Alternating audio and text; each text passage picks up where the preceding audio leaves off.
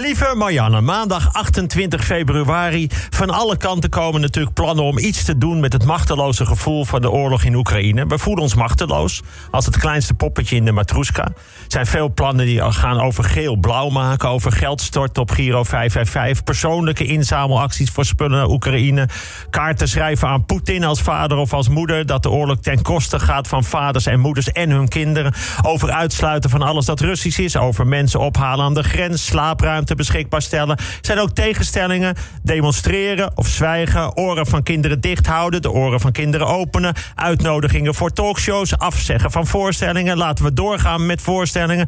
Beseffen dat alles vergeleken met dit allemaal klein is. Juist de kleine dingen blijven doen. Geen grappen. Nee, juist wel grappen. Laat me nou huilen. Laat me lachen. Laten we in ieder geval gewoon doorgaan. En extra aardig voor elkaar zijn. Nou, dat laatste kan sowieso. Dit weekend bijvoorbeeld. Prachtig weer. Ik was een stukje aan het fietsen. Ik kwam door Muidenberg. Ik fietste over een pad waar stond fiets te gast. Dus ik met een sloom gangetje van 5 km per uur, heel relaxed. Komt me een man tegemoet met twee kleine, lieve, roodharige hondjes. Ik knik vriendelijk en ik ga in een tempootje van 2 km per uur helemaal aan de kant. Man loopt op me af, wordt woedend. Flikker op met je kankerfiets. Je mag hier niet met je fiets. Ik zeg, nou, er staat een bord fiets te gast. Nee, dat bord heb ik weggehaald. Je moet opflikkeren of ik schop je verrot. Ik zeg, oh nou ja, ik wist niet dat het bord weg was. Maar dan ga ik toch even lopen. Nee, jij gaat niet lopen, want ik sla je kapot. En hij duwt me van het pad in de modder en hij begint tegen mijn fiets te schoppen. Ik zeg, nou, doe even rustig, man. Ik loop gewoon door. Dan kunt u met uw honden genieten van het lekkere weer. En hij weer duwen. Ik zeg, nou, moet je niet doen. Want anders moet ik ook iets doen en dat loopt verkeerd af. Dit was namelijk niet een man om heel bang voor te zijn. En ik kan mezelf best goed verdedigen. Maar ik had natuurlijk geen zin om te slaan. Ik sla nooit iemand. Maar nu begint hij dus serieus tegen mijn achterwiel te trappen. En wat moet ik doen? Ik kan hem nu tegen de grond werken en hem vasthouden, maar wat dan? En die hondjes kijken me ook aan met een blik van: ja, dit kennen we. ga nou maar. Dus nou ja, ik pak mijn fiets en, en ik ga er rennend vandoor. En de man die blijft schelden, flikker op met je kankerfiets en, enzovoort. 100 meter verder loopt een vrouw. Ze houdt me aan. Gaat het? Vraagt ze. Nou, die heb ik dus gelijk vol op de bek. Nee, natuurlijk niet. Nee. Ik zeg ja, het gaat. Ze zegt uh, heel aardig. Ja, er wonen namelijk ook hele lieve mensen in Muidenberg. Ik zeg ja, dat weet ik ook. Die man, zegt ze, die kent heel Muidenberg. Hij is boos en we weten niet waarom. Ik zeg, nou ja, waarschijnlijk is hij heel erg teleurgesteld in iets. En wat gebeurt er met hem? Nou, zegt ze, we gaan hem altijd uit de weg. Ik zeg, nou, misschien wordt hij daar wel bozer van. En ik kijk naar de vrouw, ze vraagt nog een keer hoe het gaat. En dan fiets ik langzaam door naar het einde van het pad. Komt een jongen op een fiets tegemoet. Hij zegt, mag je hier fietsen? Ik zeg, ja hoor, je mag hier gewoon fietsen. Die vrouw, daar moet je voor uitkijken. Maar verderop loopt een man met twee hondjes. Moet je even vragen hoe het gaat. hij lacht. Hij zegt, nee, want ik ken hem. En die vrouwvriend is mijn vriendin. En ik zag dat je er vol op de... Nee, ik zeg, nee, helemaal niet. Helemaal niet. Het was beter om hard weg te fietsen, want je moet extra aardig blijven. Het is carnaval in Nederland. Ajax heeft de feestvreugde voor, feestvreugde voor het zuiden... wat vergroot door te verliezen van Go Ahead Eagles. Ik las wel een opvallend bericht ook over de keepers van Ajax.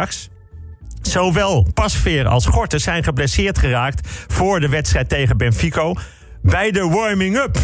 Wat doen ze daar bij Ajax bij de warming-up? Het doet me denken aan een man uit de buurt. Die zat in het gips. Ik zeg, wat is er gebeurd? Hij zegt, ja, ik heb een motorongeluk gehad. Ik zeg, wat dan? Nee, hij had zijn motor bij het op de standaard zetten... had hij een middenvoetbeentje gebroken. Noemt hij een motorongeluk. Het is hetzelfde als op wintersport je sleutelbeen breken... als je de auto uitstapt. Het is als een SOA bij het drankje voor de seks. Het is allemaal heel sneu. Dinsdag 1 maart. Goed nieuws kan ook heel sneu zijn pluimvee in ons land loopt de laatste jaren minder verwondingen op bij het vangen in de stal voor het vervoer naar het slachthuis. Nou, dat is goed nieuws voor de kippen, want die kunnen dus zonder blessures naar het slachthuis.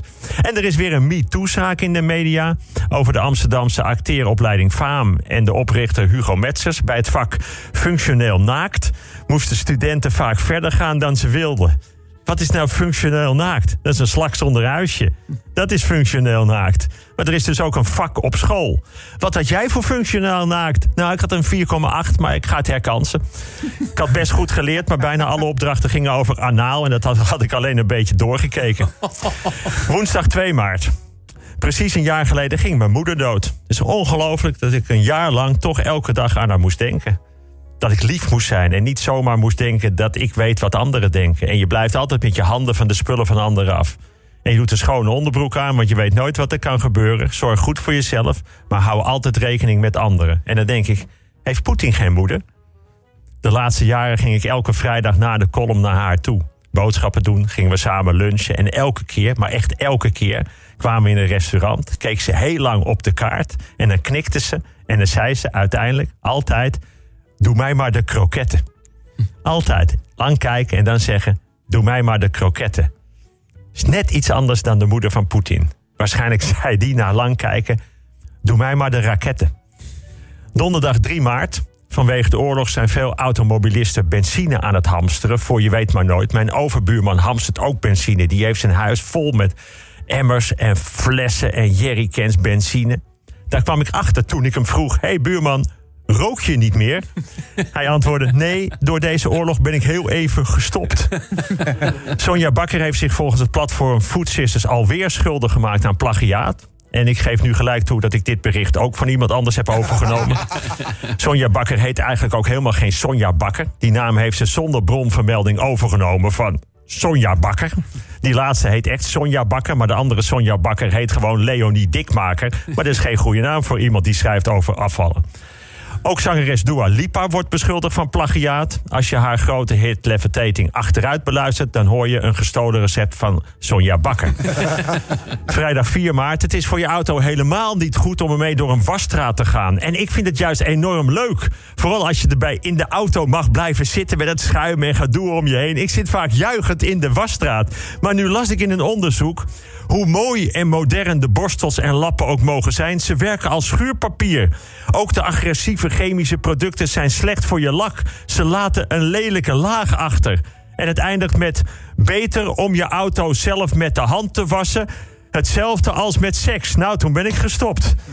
Een 42-jarige Rotterdamse pakketbezorger die vorige week zwaar is mishandeld na oneenigheid over een pakketje in Hoogvliet, is dinsdagavond aan zijn verwondingen overleden ruzie over een pakketje.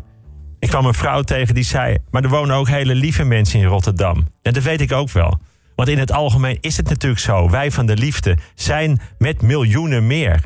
Maar dat moeten we wel doen dan. Ik was ooit in Kharkov bij het EK voetbal toen Oranje alle drie de poolwedstrijden verloor. Ik zei toen, ik heb het nog even opgezocht in de column over Kharkov. Het is best een fijne stad.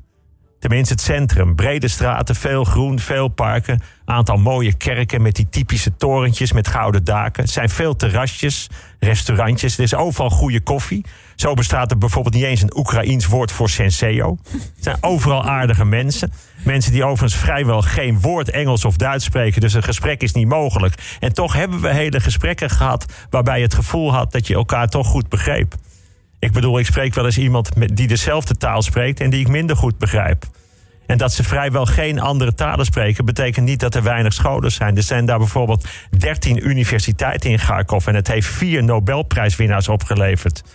Oekraïners kennen ook 300 woorden voor vodka, die na anderhalve fles allemaal het, precies hetzelfde worden uitgesproken. Ik vind de stad een stuk mooier dan het voetbal. Ik hoop er nog eens terug te komen. En dat is hetzelfde als miljoenen die nu zijn gevlucht. En ik wil er iets aan doen. Maar wat dan? In ieder geval extra aardig zijn. Tot volgende week.